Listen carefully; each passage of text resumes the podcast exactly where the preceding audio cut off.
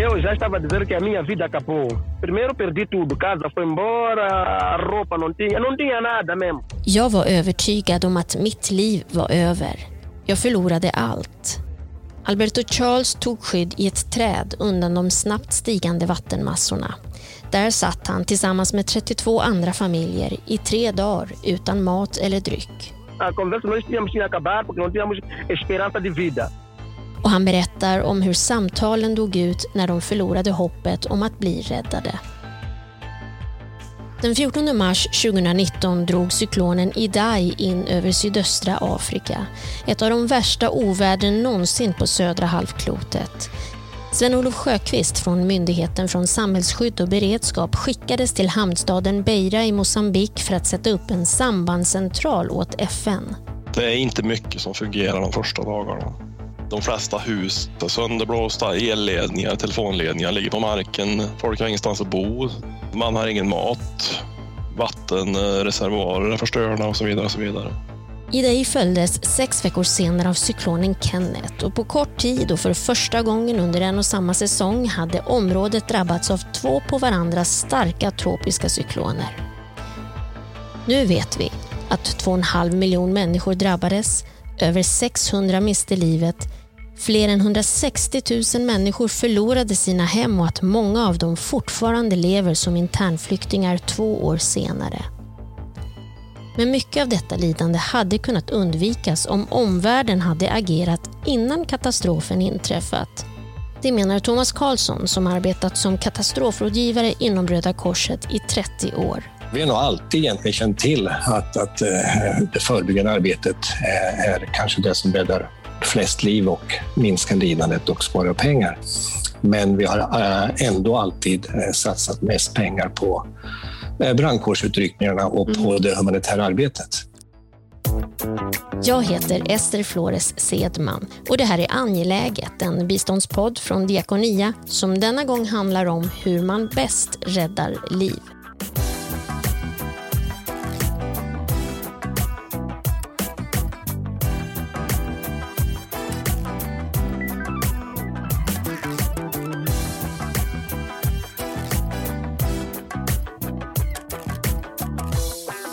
Varmt välkommen till Diakonias podd för bistånds och utvecklingsfrågor där vi ska prata om det man ibland kallar för nexus.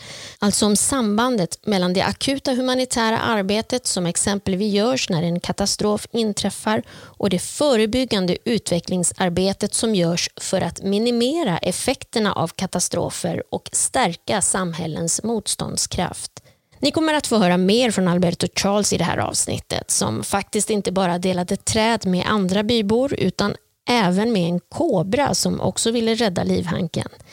Ni får höra mer från Sven-Olof Sjöqvist från Myndigheten för samhällsskydd och beredskap som var en av de första på plats i Mosambik. Och så blir det ett samtal med Thomas Karlsson från Röda Korset och Karina Staibano från biståndsmyndigheten Sida om det viktiga arbetet med att förebygga katastrofer. Men först säger jag välkommen till dig Karina Hjelmstam Winberg som är rådgivare på Diakonia för katastrofriskreducering. Vilken typ av katastrofer pratar vi om då? Ja, det kan vara både sådana som kallas sudden onset, som plötsligt händer som en jordbävning eller en cyklon. Det kan också vara de här mer långsamt kommande katastroferna som torka till exempel. Och varför jobbar Diakonia med de här frågorna? Vi har ju sett i många länder hur katastrofer kommer allt oftare, ofta kopplat till klimatförändringar. Och att det varit ett, ett växande behov av att ta fram strategier, ta fram arbetssätt tillsammans med våra partners i områden där utvecklingen som vi har jobbat för under så många år slås sönder. Men hur hänger humanitära insatser och utvecklingsarbete ihop? Det handlar mycket om att vara beredd på att kunna eh, få information tidigt att veta att nu kan det hända någonting. Ja, men nu är en cyklon på väg, så hur, hur kan jag då skydda mig? Hur kan jag skydda mitt hus? Det kanske handlar om att lägga säckar på taket eller att kunna flytta på mig i tid. med min boskap till exempel, med min familj, att nå till högre mark om vi ska prata om väldigt konkreta saker, när, om jag bor närmare floden till exempel. Men det handlar också om att ha långsiktig plan för att inte vara bara beroende av ett sätt att försörja sig. Jag kanske också behöver ha lite kycklingar eller lite getter som jag kan leva av om det skulle hända en torka till exempel eller en översvängning och min skörd blir förstörd. Och de här scenarierna som du nu beskriver drabbas fattiga människor av gång på gång och inte minst då för två år sedan när cyklonen Idai drog in över bland annat Mosambik där Diakonia arbetar och där du har bott och arbetat i 16 år.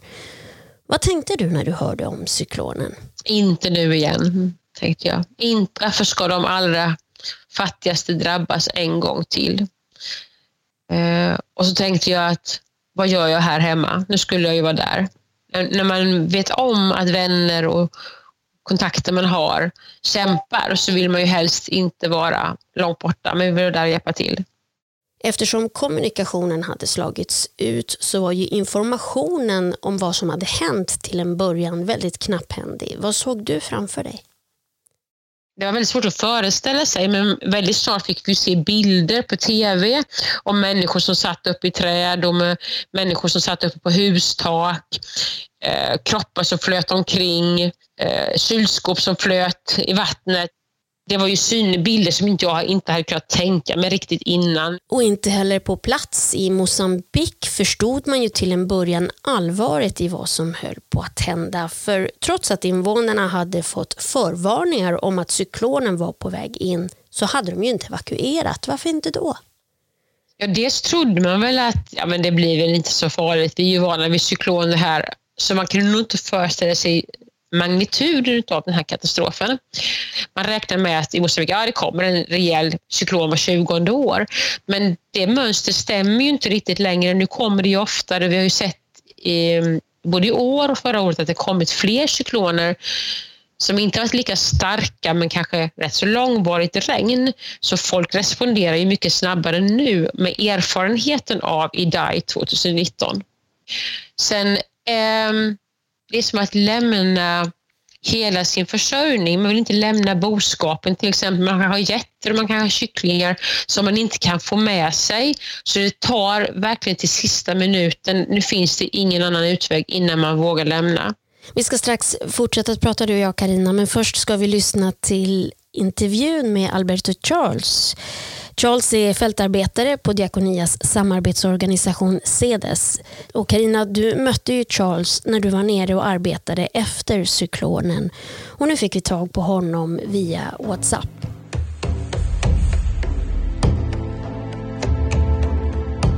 Helst vill Alberto Charles inte påminna sig om Idai. Para mim, dá sofrimento. Até estou a recordar, tinha esquecido. Para começar, eu já estaria morto, né? För mig är Idai ett lidande, säger han.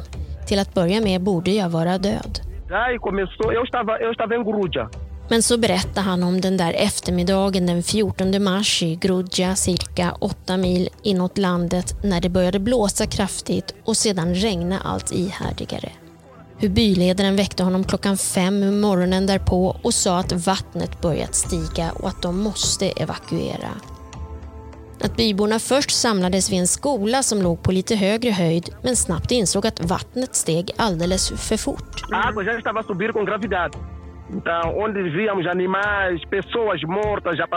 Vi såg döda människor och djur flyta förbi, berättar han. Att han och en man insåg att de var tvungna att ta sig upp på skolans tak för annars skulle kvinnorna och barnen dras med av vattnet. Och de lyckades få upp alla genom att bygga en provisorisk stege med pinnar de hittade bland bråtet i vattnet. Men när kvällen kom hade vattennivån nått upp även till skoltaket. Med hjälp av 16 capolanas, alltså de saronger, tygstycken som kvinnorna har på sig, kunde de knyta ihop ett långt rep som de band fast i ett stort träd som stod strax intill skolbyggnaden. Och hängande i repet kunde de sedan förflytta sig en i taget upp bland grenarna. Det var när Charles skulle knyta fast tygrepet i trädet som den dråpliga situationen med kobran uppstod. Plötsligt stod han öga mot öga med den giftiga ormen som också försökte rädda sig. A cobra também estava ali. Então eu não podia deixar. Jag kunde inte släppa grenen för då kunde jag dö. Jag föredrog att bli biten, säger han och skrattar. Men kobran slingrade sig högre upp i trädkronan och höll sig sedan resten av tiden på behörigt avstånd. Carina, that area is very prone to cyclones and other cyclones that have passed through that area were not that strong like the like Idai. På Diakonias kontor i huvudstaden Maputo följde vår landchef William Antonio Mulovo nyhetssändningarnas rapportering om hur situationen utvecklade sig. The first thing that we did was just to call to bear to people that we know uh, how is the situation. And so uh, this is worse. The roofs are flying uh, away. And all of a sudden there was a blackout and could not reach those people anymore at the organization. So we remained without uh, no information coming from from Beira on television also there was very few information because uh, they could not reach the, the area that have been uh, uh, been reached by the, the cyclones. Sven-Olof Sjöqvist från Myndigheten för samhällsskydd och beredskap var en av de första på plats i katastrofområdet. Vi var nog nere, tror jag, fyra, fem dagar efter cyklonen hade slagit in. På uppdrag av FN skulle teamet från MSB få igång kommunikationen igen genom att bygga upp en ledningscentral på den internationella flygplatsen i Beira.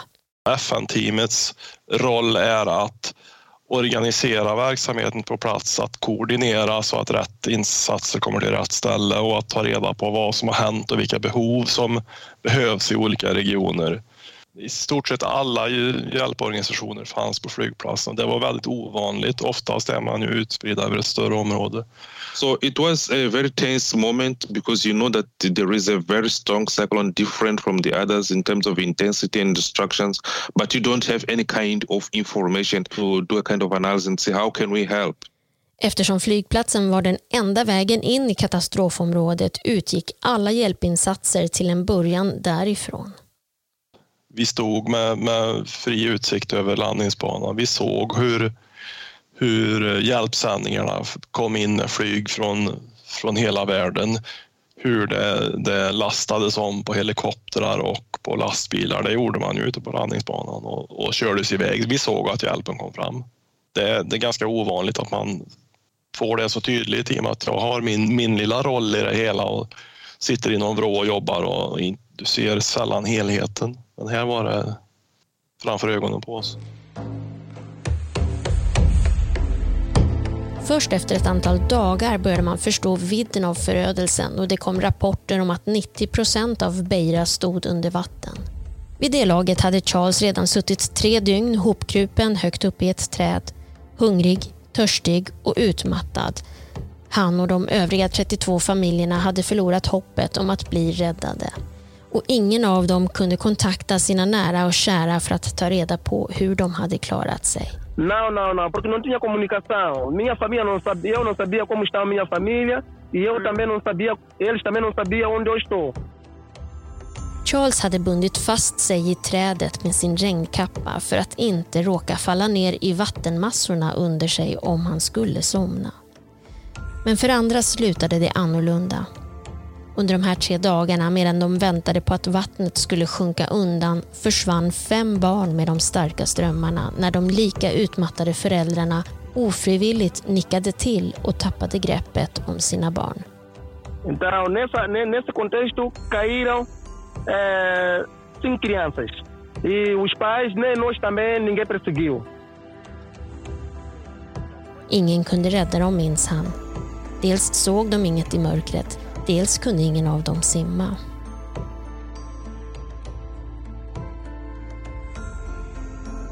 Länder och samhällen med, med bättre ekonomi, med bättre infrastruktur uppbyggd, eh, de är ju mycket starkare och jag ska inte säga snabbare, men de har mer resurser att bygga upp. Sen så är man ju, man blir ju förvånad hur fort det går även i fattiga länder att få igång något lite i alla fall.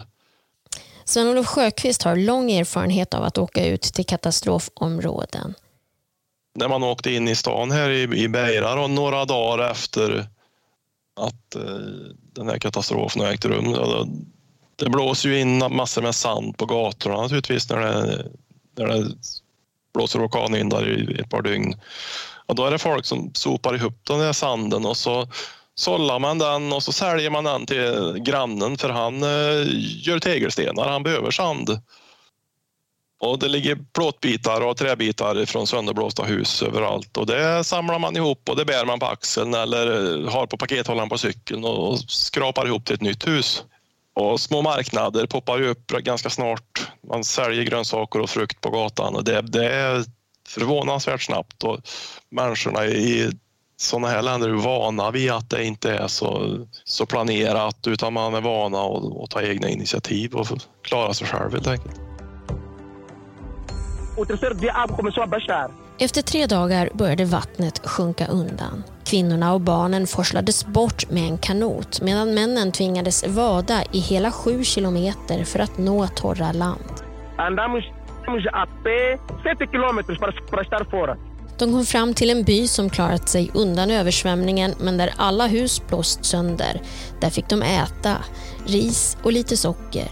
Men sova fick de fortsatt göra under bar himmel utan något att skydda sig med. Dagen därpå vandrade Charles vidare, barfota i tre mil, utan något annat på överkroppen än sin regnjacka. Den som han bundit fast sig med i trädet och som räddade honom från att falla ner i vattnet.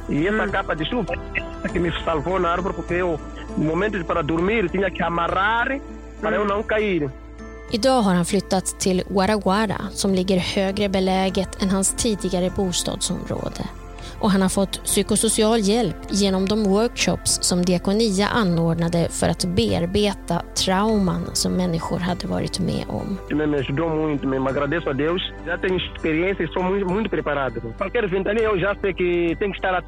Utbildningen har hjälpt mig, säger han.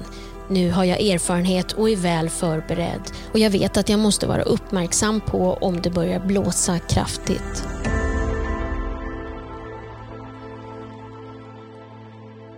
Starka berättelser Karina och svårt att ta in när man sitter på tryggt avstånd hemma i Sverige. Hur väl rustade var människorna inför den här katastrofen? Lite olika. I den regionen lite längre in i landet så var man inte särskilt rustad för man var inte så van vid att det händer cykloner som når så långt upp i landet. För det var ungefär 20-30 mil upp ifrån Beira där epicentret var. Men kring Beira, som är vid havet, där är väl det området som man är, man är bäst förberedd och man har så kallade disaster management committees som ska varna folk. Problemet den här gången var ju att all kommunikation slogs ut. Så att även om man hade en struktur så kunde inte de här myndigheterna nå människor och man hade inte båtar tillräckligt till exempel.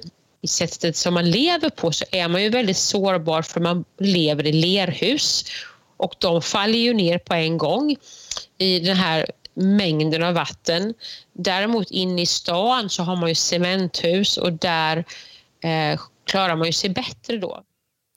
Vi hörde Sven-Olof Sjöqvist berätta i inledningen om kaoset som mötte honom när han kom ner och om alla organisationer som så småningom samlades där på plats för att göra en hjälpinsats. Men hur koordinerar man alla de här insatserna så att inte alla organisationer springer på samma boll? När det händer en katastrof av den här storleken så skickar ju eh, FN-personal som ska ha som uppgift ofta tillsammans med myndigheterna i landet att koordinera. Så då finns det en koordineringsgrupp för varje område. Man liksom mappar upp områdena och säger man där jobbar Oxfam och där jobbar Ceders och där jobbar en annan. Så ser man att alla får samma stöd. Man har standards för hur ett hus ska byggas upp. Man har standards för vilket matpaket man ska få. Man har standards för hur om man ska få till exempel eh, köksredskap som grytor och filtar och sånt här. Eh, Diakonia och vår partner Cedes eh, arbetade framförallt med skydd, hur människor då ska få nya hus eller kunna bo i tält tillfälligt. Då. Så vi fanns med i den eh, klustret. Så fanns vi med i klustret kring psykosocialt stöd. Vi fanns med i klustret kring eh, nutrition som är alltså näring. Du var ju nere i Mosambik vid tre tillfällen under hösten för att koordinera Diakonias insatser. Och bland annat så var du med och satte upp ett system med kuponger som de drabbade kunde byta in mot förnödenheter. Ja, en voucher kan man säga är som en, liksom ett, ett tillgodokvitto eller liksom en, ja, Eh, pengar fast i pappersform då, så använder du dem så går du till affären så kan du handla, de har ett värde. Man kan välja, vill jag handla mat, vill jag handla eh, kläder, vill jag handla skor, vill jag handla filtar, vill jag ha grytor. Det bestämmer familjen själv.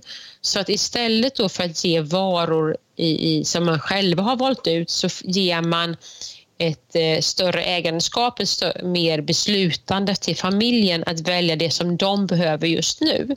Så att då jobbade jag tillsammans med eh, vår partner Ceders att sätta upp det här systemet, att göra avtal med eh, affärsmän. Kan ni ta in de här produkterna? Ni har inte tidigare haft takplåtar, men kan ni ta in takplåtar? Och så måste man ju ta in så pass mycket varor för det kommer ju bli väldigt mycket mer efterfrågan nu. Så då får man ju göra ett avtal med dem så att de tar in alla varorna i förväg så att man kan ge sina vouchers till familjerna som kan komma och handla. Så måste man ha liksom ett, ett säkerhetssystem kring det här så att det inte blir eh, risker. Jag menar, de, allt ifrån att de kan bli bestulna, de kan bli utnyttjade kvinnorna, det kan bli korruption. Eh, så det finns ju väldigt mycket problematik kring det här om man inte bygger upp ett skyddssystem runt det också. Och särskilt kvinnor önskade att få kuponger hellre än pengar. Varför då? När vi frågade vilket de föredrog så sa kvinnorna ge inte oss pengar för pengar är mannens domän och då kommer han ta hand om det och då kan inte jag gå och handla. Och då var ju en voucher bättre. Du kan ju till exempel säga att du får inte handla alkohol eller du får inte handla cigaretter. Eh, och, har man, och då, då har man sett att ger man voucher så är det större möjlighet för kvinnan att bestämma vad hon behöver. Och dessutom arbetade Diakonia med att ge psykosocialt stöd. Precis, förutom då att liksom prata om logistiken och det här med vilken typ av hus ska vi bygga och, och, och det här med affärerna och det, så jobbar vi också med människors eh, behov av att hitta sin egen, så att säga, kraft att kunna liksom återhämta sig. Så att få samtala om hur bearbetar man sorg när man inte har någon kropp att begrava? Vad kan vi göra för ceremonier kring eh, begravningen till exempel som är så viktig i de här kulturerna där man har både den sjunde dagen sörjer man och avslutar den första veckan. Man har den trettionde dagen där man sörjer. Efter ett år har man en så att säga, minneshögtid för att avsluta sorgeåret. När vi inte gör det här då, hur kan vi då stötta varandra? Och lite förstå också eh, vad är det som händer? Varför drabbas vi av en cyklon? En, en del människor har ju lätt att tolka det här religiöst och eh, tänka att nu har Gud straffat oss och vad är det vi har gjort som gör att andevärlden är så upprörd att de skickar en cyklon på oss. Och att då förstå vad är klimatförändringar, hur uppstår cykloner, hur, eh, vad kan vi, hur kan vi skydda oss mot det gör ju att jag lär mig lite att hantera och inte bara bli hjälplös offer för någonting. Jag kan faktiskt göra någonting för att vara bättre förberedd för det här kommer hända igen och det är inte Guds straff för att vi har gjort någonting. Kvinnor drabbas ofta hårdare i katastrofer jämfört med män. Hur då? Kvinnor har ju ofta ett väldigt stort ansvar för barn, för mat, för vatten, ehm, för odlingen, och när en katastrof händer så är det ju deras arbetsbörda som blir än tyngre. Det blir svårare att få tag på rent vatten. Du får svårare att fly eller rädda dig för du ska ta hand om dina barn också. Jag har en hemsk berättelse om en kvinna som eh, försökte rädda sina fyra barn och skulle hålla ihop allihopa och klarade inte av det. Hon stod på en liten termithög så här. Termithögen blev ju till lera och försvann ner. Hon tog sig till nästa termithög och till nästa höjd och det slutade med att hon bara kunde rädda sig själv. Jag träffade inte kvinnan själv för hon låg hemma i sin hydda sa de och kom inte ut och hur hon hade så givetvis och fruktansvärt svårt att eh, förlika sig med att hon inte lyckades rädda sina barn. Så kvinnan har ju både svårt under katastrofen och efter katastrofen då hon har ansvaret för vården på ett annat sätt. Och även de barn du mötte var traumatiserade? Ja, det märktes på lekarna. Ehm, och det märktes på att en del barn en del barn ville inte tvätta sig, man ville inte se vatten. Ehm, man grät, började gråta så fort det började regna igen. Man eh, lekte cyklon. Så de skriker till varandra, hoppa upp eller klättra upp i trädet, cyklonen kommer. Eh, man knöt fast varandra i tygstycken, capolanas, för att som, säkra upp och så knöt man fast i trädet. För det var det så man hade gjort under de här dygnen när man satt i träden.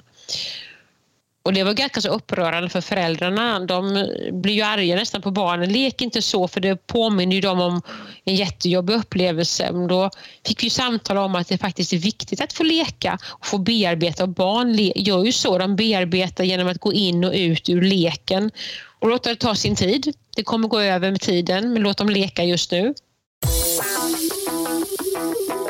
Jag säger nu välkommen till Thomas Karlsson som arbetat 30 år som katastrofrådgivare på Röda Korset, hälften av den tiden utomlands. Och till Karina Staibano som arbetar på biståndsmyndigheten Sida som företrädare för humanitärt utvecklings och fredsnexus. Alltså det här sambandet som vi pratar om mellan humanitärt arbete, utvecklingsarbete och fredsarbete. Varmt välkomna hit. Tack så mycket.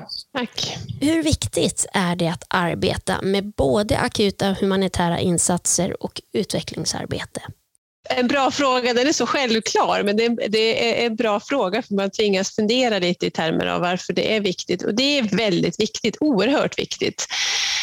Eh, vi behöver göra både och och vi behöver göra både och samtidigt. Det ser tyvärr ut så i världen att det finns stora humanitära behov som måste hanteras med eh, humanitärt bistånd eh, där vi räddar liv och lindrar nöd och ser till så att folk har eh, grundläggande tillgång till utbildning, hälsa, vatten, sjukvård och så vidare. Men vi behöver också jobba förebyggande för att kunna minimera effekterna av, av risker och händelser där, och, och kunna hantera detta bättre. Thomas, är något av de här perspektiven viktigare än det andra? Alltså, det är viktigt att säga som eh, Karina säger att bägge, bägge sakerna är, är viktiga. Det är viktiga för de som lever eh, i de mest riskutsatta länderna eftersom det förebyggande arbetet framför allt Rädda liv och minska lidande och spara pengar. Men det är också viktigt för oss eh, i Sverige, så rent egoistiskt har vi också eh, eh anledning att, att stödja eh, det humanitära och utvecklingsarbetet eftersom det arbete vi bedriver stärker människors och länders motståndskraft mot naturhändelser. Det skänker stabilitet, det minskar riskerna för krig och konflikter, det utvecklar demokratin där vi arbetar och det gynnar handeln med, med de här människorna i de här länderna. Så, att, så att vi har all anledning att eh, satsa på, på både det humanitära och på utvecklingsarbetet eh, i de mera resursstarka länderna också. Och sen är det som eh, Karina var inne på, det är ju oerhört viktigt att syssla med, med bägge sakerna. Man kan liksom dra en parallell till, till Sverige.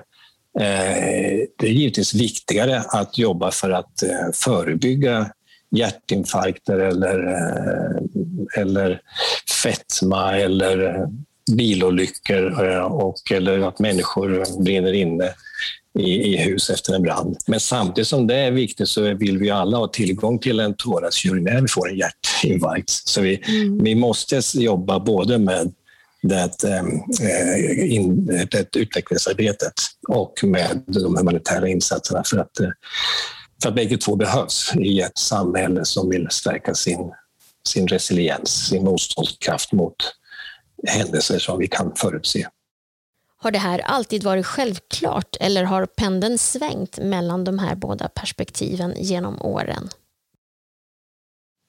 Jag är inte så säker på att det är en pendel som har svängt, men jag tycker nog att det förebyggande arbetet har fått mer genomslag de senaste åren. Och jag, jag tittar mycket utifrån då, som det jag jobbar med framför allt med hur ska vi hur ska vi stärka det här samspelet som vi sa inledningsvis mellan vårt humanitära bistånd, vårt utvecklingssamarbete och våra fredsinsatser, där vi tillsammans verkar för att inkludera de allra mest utsatta, de allra fattigaste, i, i framförallt i de här svårare kontexterna i sköra stater och i, i, i länder där vi har långa utdragna kriser. Samspelet handlar, och Nexus-samspelet handlar mycket om att, hur vi förebygger eh, risker innan de de, blir en stor händelse med enorma effekter. Så det har blivit, eller är, en, en viktig del av det man säger, hela policydiskussionen kring hur stärker vi samspelet mellan humutveckling och fred. Jag skulle bara börja kommentera det Karina säger. Jag tycker först och främst att pendeln har aldrig riktigt svängt. Vi har ju egentligen vetat om i århundraden att det förebyggande arbetet egentligen är viktigast och, och eh, det som vi egentligen borde satsa våra eh, främsta resurser på. Eh, och jag tänker på ett brev som Rousseau skrev på 1600-talet, 1656 tror jag det var, efter att det hade varit en stor jordbävning i Lissabon där en mängd människor dog och eh, där det finns dokumenterat hur han beskriver att det här borde aldrig ha inträffat. Det hade aldrig behövt inträffa. Det hände för att husen stod för tätt tillsammans Eh, för att husen var undermåligt byggda och hade vi sett till så att eh, eh situationen hade varit annorlunda så hade alla de här människorna kunnat överleva. Så vi har nog alltid egentligen känt till att, att eh, det förebyggande arbetet är kanske det som räddar flest liv och minskar lidandet och sparar pengar. Men vi har ändå alltid satsat mest pengar på brandkårsutryckningarna och på mm. det humanitära arbetet. Vad beror det på? Eh, jag tror att det har eh, tyvärr eh, själviska orsaker.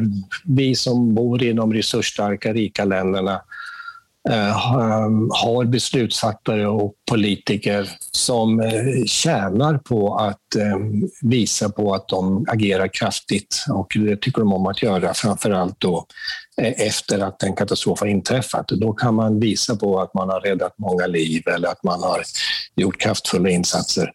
Den här förebyggande insatsen och arbetet, det är inte lika ehm, visuellt. Och det är också billigare att arbeta förebyggande än att göra en insats när katastrofen väl har hänt och man ska bygga upp allt igen. Ja, det stämmer ju. Men det finns ju ett antal eh, studier som, som har slagit fast att, att det är så. Sen så brukar de där siffrorna variera. Men, men vad samtliga sådana här studier visar det är ju att det är bättre och billigare att agera eh, tidigt. Eh, så att eh, om vi kan stärka människors egen förmåga att hantera eh, risker och kriser så är det bäst ur alla perspektiv.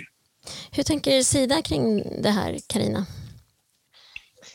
Eh, ja, vi tänker nog inte så, så, mycket mer annorlunda än vad Thomas eh, just berättat eh, om. Vi försöker mer och mer jobba på det här sättet att, att eh, föregripa en situation innan den utvecklas till någonting mycket allvarligare. Man kan ju förutse det här, man kan ju följa det här. Hur skördarna slår, att de slår fel, att det är torka eller det är översvämningar. Och i, vi har ju liksom eh, använt oss av sån här information också på Sida för att gå ut med stöd stöd eh, tidigare. Att man går ut och försöker förebygga att situationen eskalerar och blir någonting mycket, mycket värre. Och ett sätt att kunna förutse katastrofer är genom så kallat väderprognostiserat arbete. Hur fungerar ett sådant arbete, Thomas?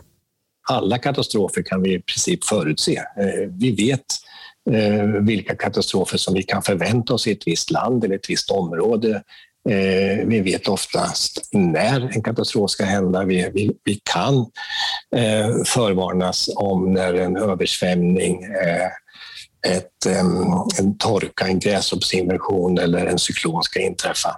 Och eftersom vi vet eh, väldigt väl eh, var och eh, saker och ting ofta kan ske så kan vi då så att säga bygga ihop ett system där vi har bra eh, eh prognoser, alltså eh, meteorologiska system, som vi kopplar då till ett åtagande av att avsätta medel för att eh, göra insatser.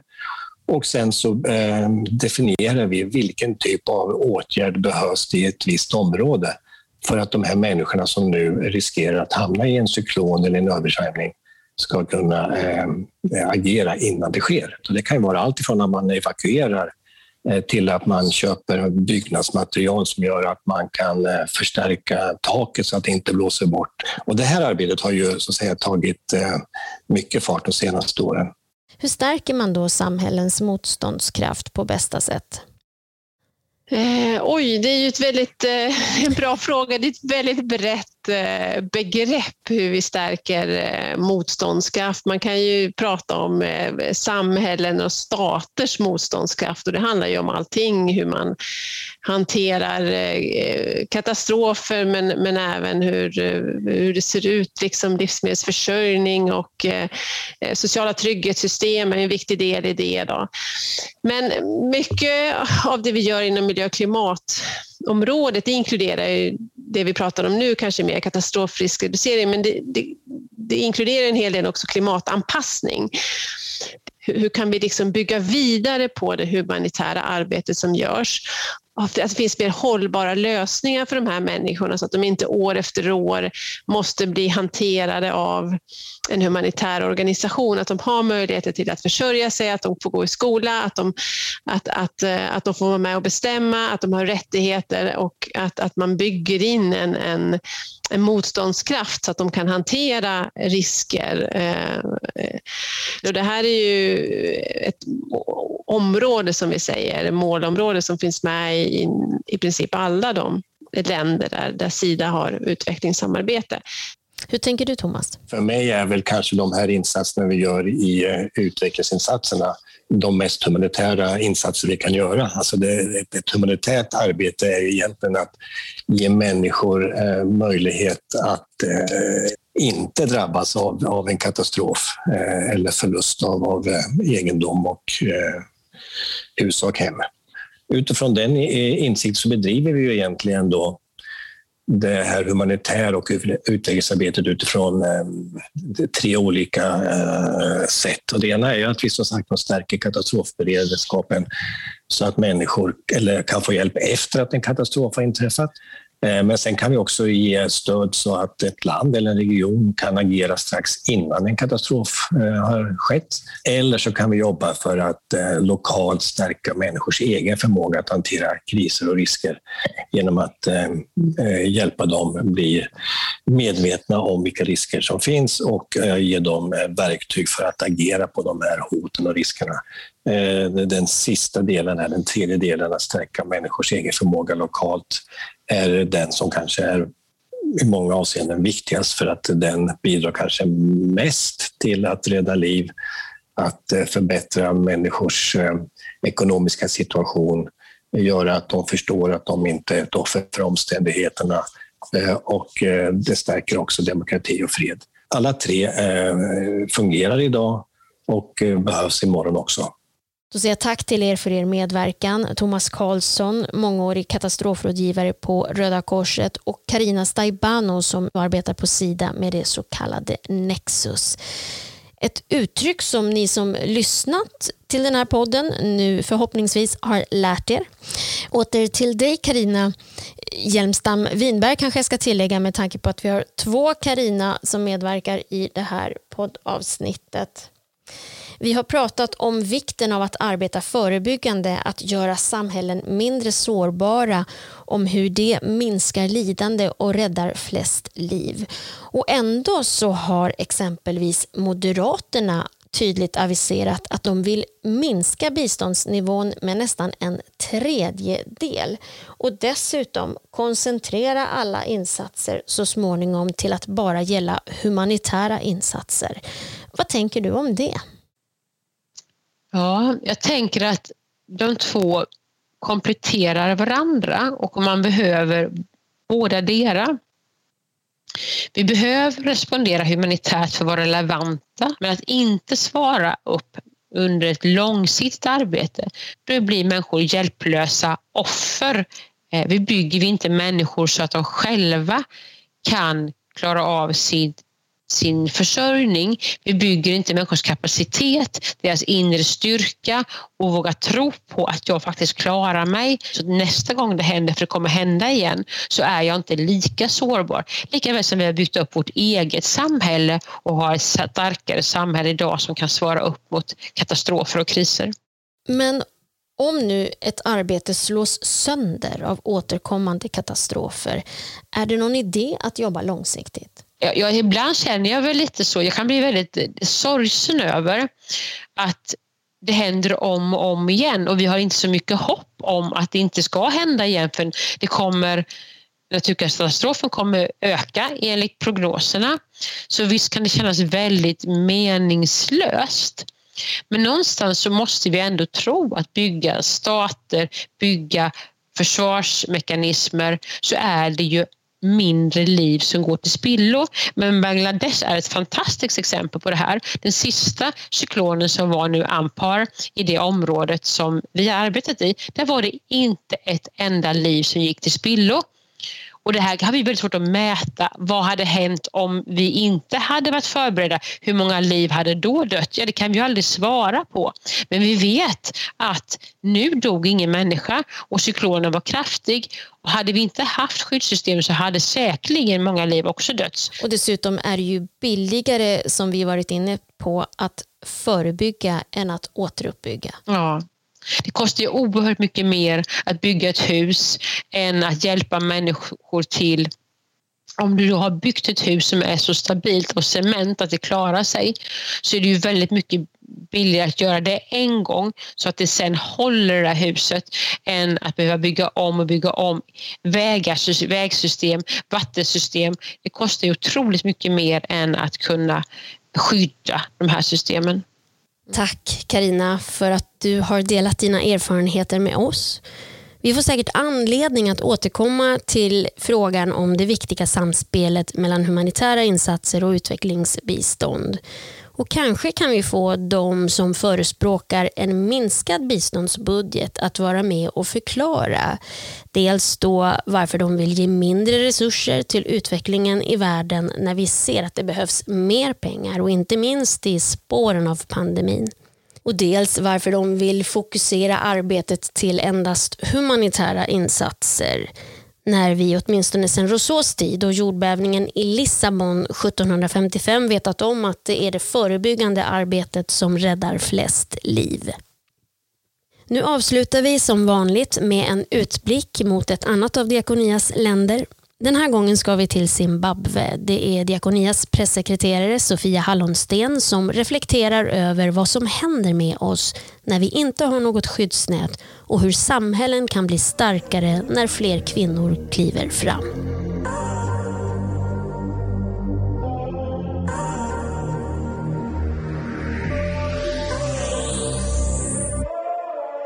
När vi kör från flygplatsen tidigt på kvällen på väg in till vårt hotell i stan har det hunnit bli mörkt.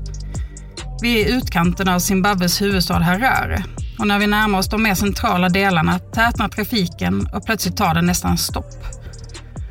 Kön av bilar rör sig långsamt framåt och sniglar sig förbi något som ligger på vägen. Vad är det? frågar jag chauffören. Men innan jag får svar hinner jag se själv. Det är en man han ligger på magen med byxorna nedhasade så att rumpan syns och runt honom finns det blodfläckar. Jag hojtar upprört att vi måste stanna, vi måste ringa ambulansen, vi måste hjälpa. Chauffören säger lugnt, nej, det är farligt att stanna. Det är en av gatuförsäljarna, de kommer att hämta honom så småningom. Ingen ambulans, inga avspärrningar, inga människor som har stannat och klivit ur sina bilar. Bara en lång rad fordon som tar omvägar runt den skadade mannen. Vad händer med oss människor när vi inte har något skyddsnät? I länder med svaga stater som Zimbabwe kliver ofta organisationer från civilsamhället in när staten inte gör sitt jobb. Och de organisationerna finansieras inte sällan av internationellt bistånd. Alltså går våra skattepengar till att kompensera för att andra regeringar inte gör sitt jobb. Det kan kännas fel, men det är det inte. Det är en viktig pusselbit för att bygga demokrati framöver och för att ge andra positiva, starka, smarta krafter en chans. Får man inte ha sjukvård, mat eller vatten är det svårt att orka göra sin röst hörd. Om man inte vet om sina rättigheter är det omöjligt att använda sig av dem. Som kvinnorna som jag träffade i Gwanda, en liten stad i södra Zimbabwe. De hade inte haft vatten i kranarna på två veckor på grund av en ekonomisk konflikt mellan vattenleverantören och den lokala myndigheten. De drygt 13 000 invånarna i stan hade istället fått sitt vatten från ett fåtal brunnar. Varje brunn betjänade minst 200 hushåll och de som drabbades hårdast var som så ofta kvinnorna. De har huvudansvaret för hushållet i det traditionella Zimbabwe och gör allt det där dagliga som kräver vatten. Lagar mat, tvättar kläder, håller barnen rena, har mens och är gravida. Och det är kvinnorna som får gå många långa kilometer till brunnen och hämta vatten när inget kommer ur kranen. Men de här kvinnorna sitter inte tysta. De kallar till möten och ställer politikerna till svars. De har gått på utbildningar hos Women's Institute for Leadership Development. En organisation som delvis finansieras av dina och mina skattepengar via Diakonia. Organisationen jobbar långsiktigt med att få fler kvinnor involverade i den ekonomiska, sociala och politiska utvecklingen i Zimbabwe och ge dem större möjligheter att utkräva ansvar från myndigheter när basbehov som vatten, vägar och vettiga hus inte tillgodoses.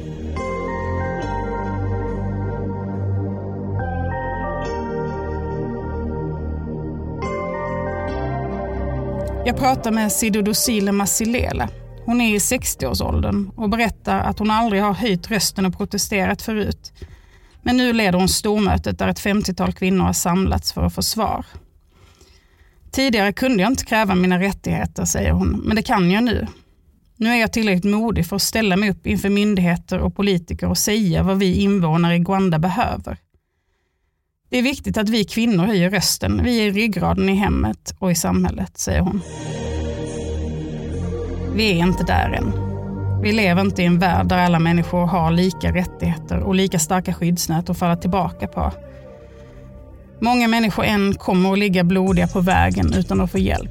Fler kranar kommer att sina. Och pandemiåret som vi har bakom oss har inneburit så många bakslag att det inte går att räkna för utvecklingen i världen. Men allt fler människor vet vad de har för rättigheter. Och de vet hur de ska gå tillväga för att få dem tillgodosedda. Det är den vägen vi måste fortsätta på. Med en höjd röst i taget byggs skyddsnäten upp.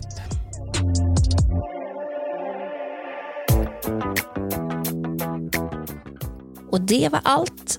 Hör av dig på media.diakonia.se om du har några frågor. Tack för att du har lyssnat.